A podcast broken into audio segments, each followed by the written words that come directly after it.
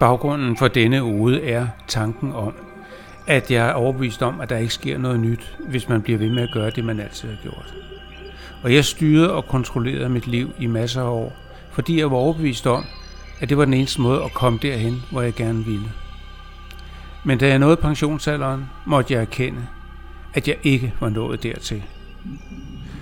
Men så oplevede jeg, at livet trådte til og viste mig, at der er andre måder at leve det på. Og efter lidt tid og lidt tilvænding opdagede jeg, at det kan faktisk rigtig god mening. Her kommer ode nummer 99 om at sejle med vinden. I mine mange år på havet forlod jeg ikke pladsen bag roret en eneste gang. Selv når nye kurser skulle beregnes og udstikkes, skete det med den ene hånd på roret, mens den anden baksede med søkort og sekstant. Både skibet og livet artede sig vel, og i stille stunder og smukke dage nød jeg kortvarigt blot det at være. Men det var de voldsomme storme og mine vilde ridt, på toppen af bølgerne, fremkaldte min trang til at sætte ukendt kurs, der viste mig lokkende muligheder i det fjerne. Disse hektiske stunder lå mig mærke, jeg brugte tiden vel, og levede livet, som det skulle leves. Men jeg må indrømme, man bliver lidt træt. Denne evige jagt på udfordringer for at sikre, at ingen af livets muligheder misses. At alle tænkelige veje undersøges og udforskes. Alle disse kampe kommer ikke uden en pris. Manglende hvile, konstant overvågenhed og skyhøje adrenalinniveauer, det er alt sammen en del af rejsen. Jeg blev 70 år gammel, før erkendelsen endelig indfandt sig. Erkendelsen af, at meningen med det hele ikke ville vise sig, før jeg gav slip. Jeg var nødt til at træde væk fra roret, nødt til at overlade styringen til livet selv. Og livet bød mig at løfte hovedet. Se på verden omkring dig, sagde det. Lyt til omgivelserne. Indsnus duftene.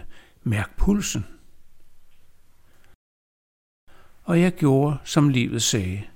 Skønt beslutningen var svær. Du må huske, jeg havde baseret hele mit liv på, at det var mig, der var i kontrol. Mig, der styrede livet, ikke omvendt. Så med bitte små skridt kæmpede jeg lojalt for at ændre mine indgroede vaner. I en kortere periode forsøgte jeg at styre skibet med en hånd, men det gjorde bare kursen mindre stabil. Så prøvede jeg at indtage mine måltider sådan lidt væk fra roret, klar til at gribe ind. Men usikkerheden gav mig maveknep i dagevis. Så jeg vidste, jeg måtte gå linen ud. Og en dag forlod jeg roret helt og aldeles og gik op på brikkens fordæk. Der stod jeg så og tjekkede kurs, sejl og farvand, til jeg blev helt rundtosset. Og det var her, jeg opdagede, at alt, altid var i den skønneste orden. Sejlene stod spændte og roligt og fulgte vinden. Farten var fin, og farvandet fri for farlige skær. Til gengæld stussede jeg tit over kursen. Hvad skal vi i den retning? tænkte jeg ofte, og kiggede op mod roret og så, at pladsen stadig stod tom. Men så opdagede jeg den store frihed, det gav mig ikke at være ansvarlig. Jeg havde ingen pligter, skulle ikke noget, og alligevel havde jeg så travlt som altid. Nye og fremmede indtryk trængte sig på, og mine dage fyldtes. Først med forsøgene på at forstå det hele, og siden med taknemmeligheden over de mange muligheder, livet nu tilbød mig. Vigtigst var dog den klare erkendelse af, at min horisont ikke længere var begrænset af min egen forestillingsevne.